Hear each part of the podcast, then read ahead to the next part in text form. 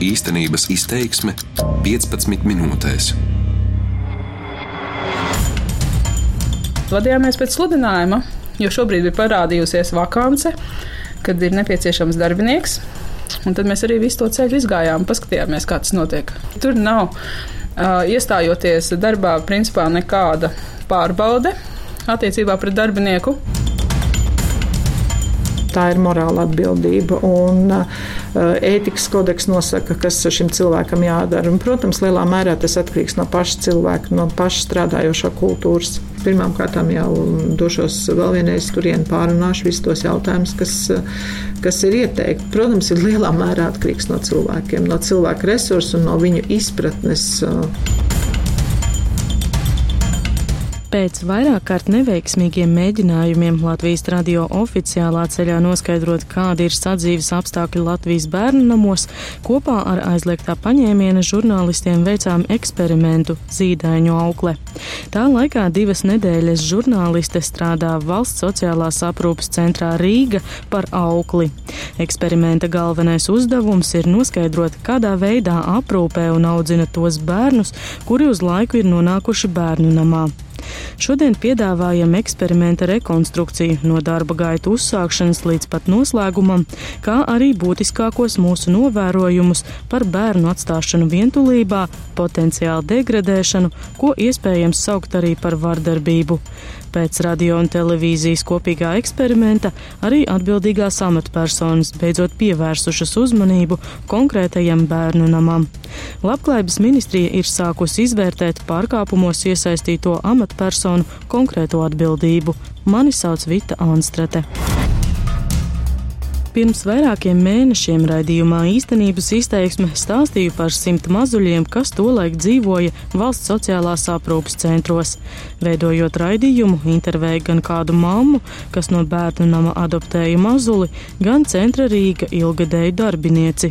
Abas sievietes pauda sašutumu par klusumu namā, kurā mīt daudzi zīdaiņi, mudināja bērnus apskatīt savām acīm un pievērst uzmanību neskartajam rotaļu laukumam un plašajai āra teritorijai. Fragments no arhīva. Es divreiz biju bērnamā, es biju divreiz zīdaiņu namā. Bet man tāda sajūta bija, ka es aizgāju uz morgu. Tur bija viss tik kluss. Nu, nevarētu būt, ka tie visi bērniņi, kas tur 90 vai cik viņi tur dzīvo, viņi ir Visi momentāli guļ. Nebija visu laiku pusdienas laiks, vienreiz bija pat ēšanas laiks, bet viņi, es nezinu, viņi kā mutē maisietā viņi ēd vai ko, es nesaprotu. Tik visi nospiedoši, tik viss tāds, nu, drūms, nu, kaut ko, es nezinu, kaut ko vajag tur mainīt. Intervija konkrētajā bērnu namā bija jāsaskaņo ar četrām dažādām amatpersonām, jāraksta iesniegums, kāpēc vēlos interviju un kādus jautājumus uzdošu. Sarunai tika izvēlēts pusdienas laiks, kad visi bērni gulēja. Un augšā ir veselākie, jā, bet nav viņi guļus. Patreiz jā, viņi guļ, jā. Varam iet vēl viena grupiņa, bet te arī ir smagi bērni.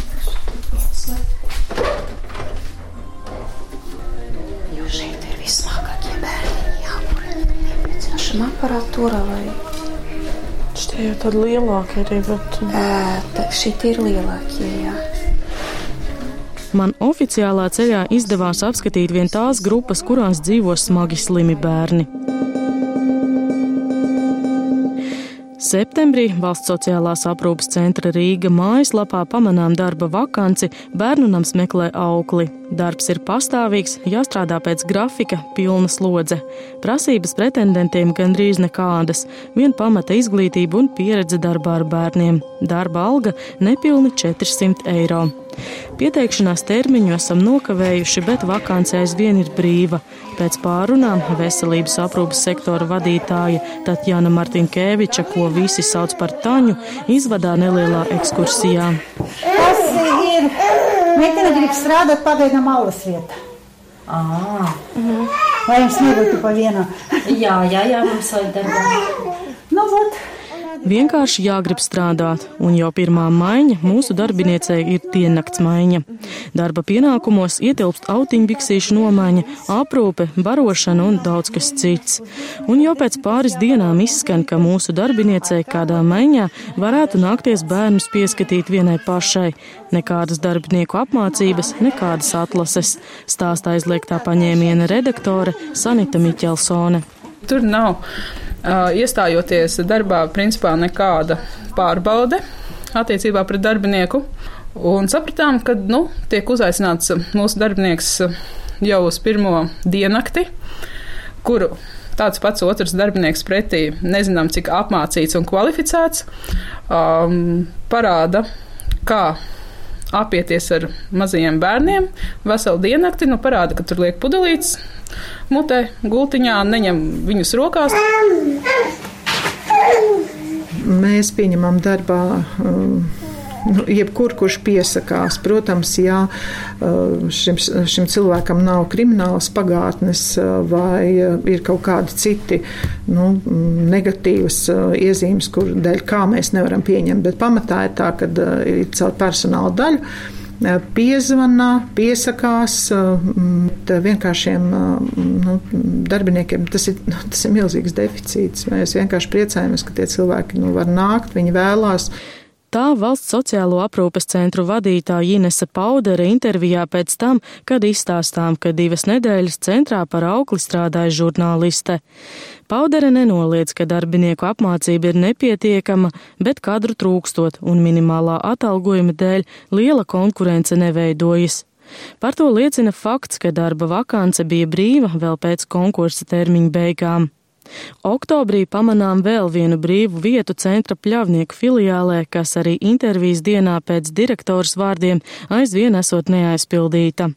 Kopumā centrā nodarbināti vidēji divi darbinieki uz vienu bērnu - 42 aprūpētāji, 9 sociālai aprūpētāji, 6 sociālai audzinātāji un vēl citi darbinieki, viņu vidū arī fizioterapeiti, logopēdi un pediatrs.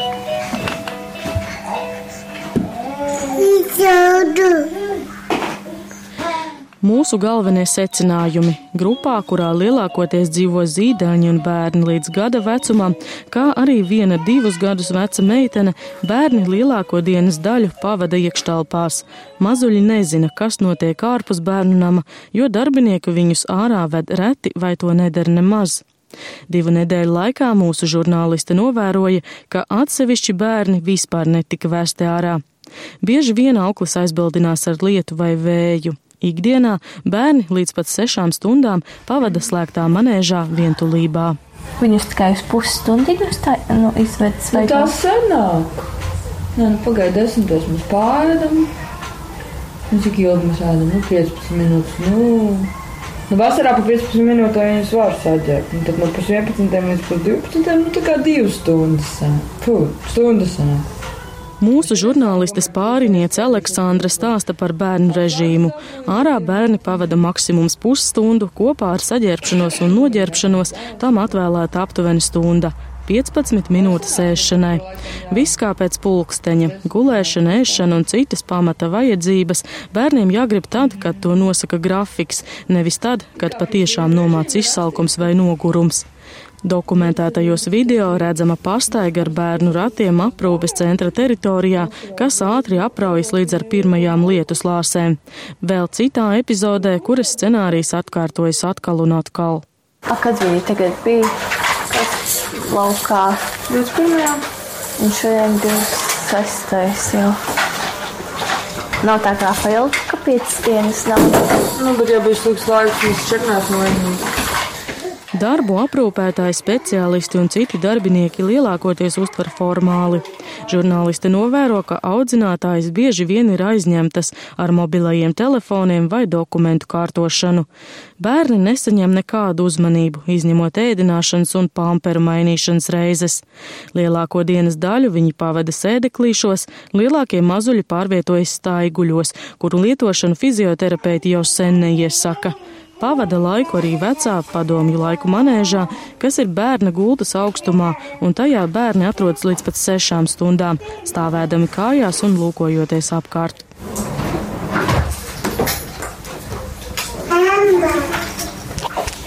Kā tos mazulīšus vajadzētu ņemt un ucināt, nu, klēpī ņemt?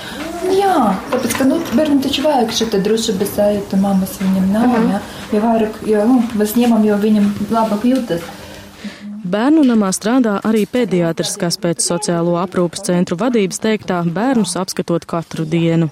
Mūsu aukli novēro, ka pediatra vizītes ir formālas. Katru rītu pediatri apskata aprūpētāju pierakstus žurnālā, bērniem individuāli uzmanību nepievērš.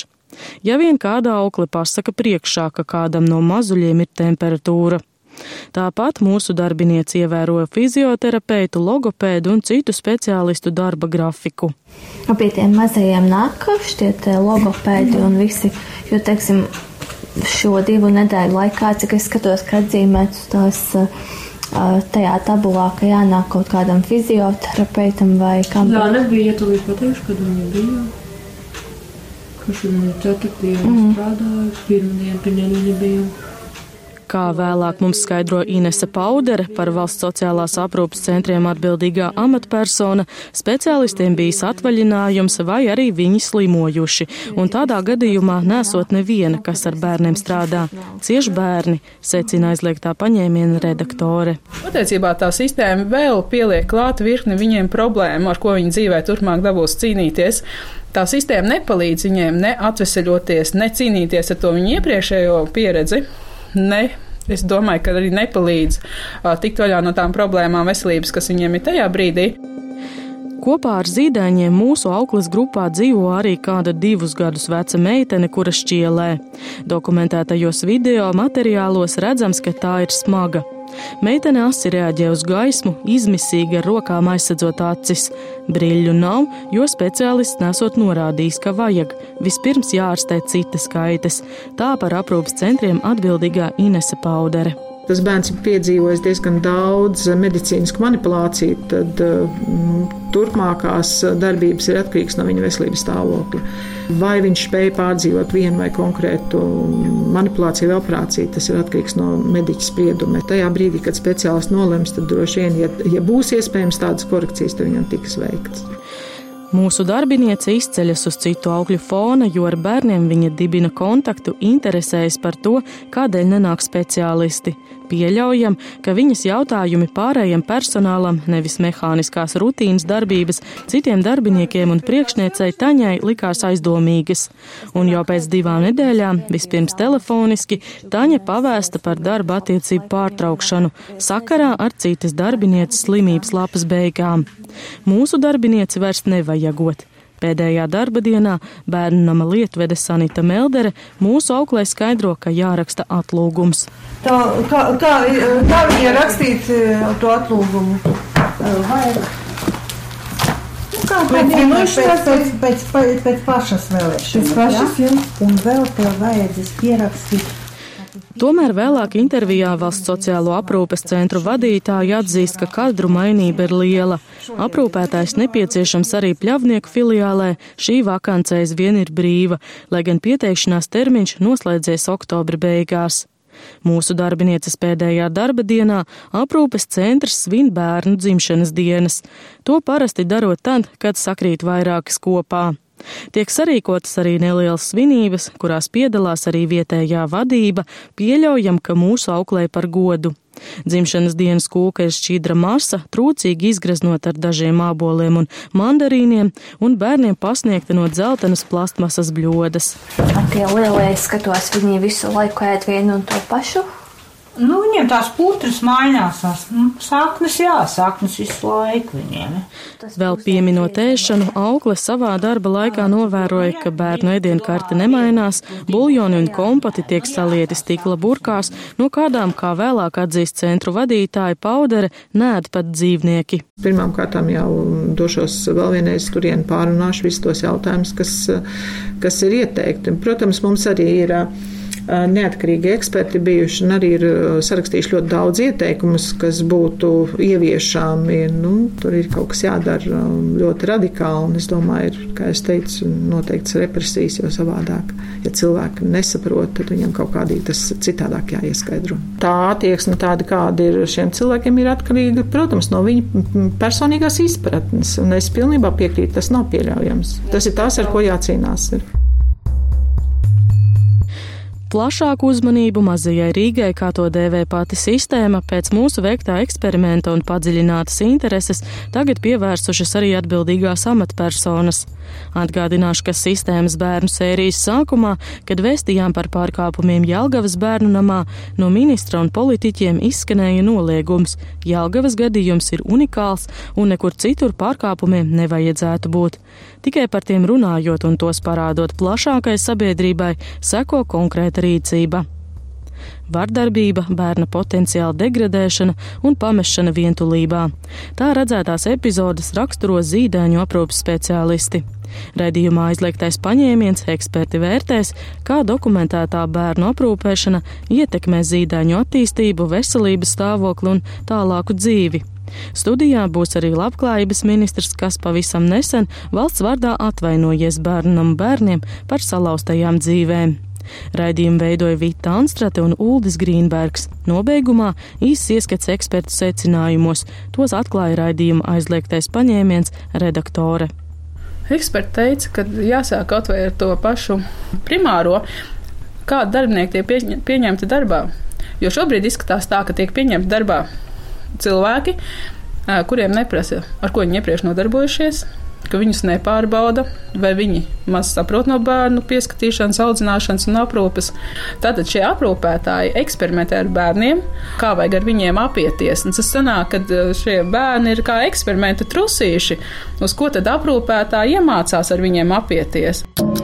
Darbības vārds īstenības izteiksmē izsaka darbību kā realitāti. Tagatnē, pagātnē vai nākotnē, vai arī to noliedz.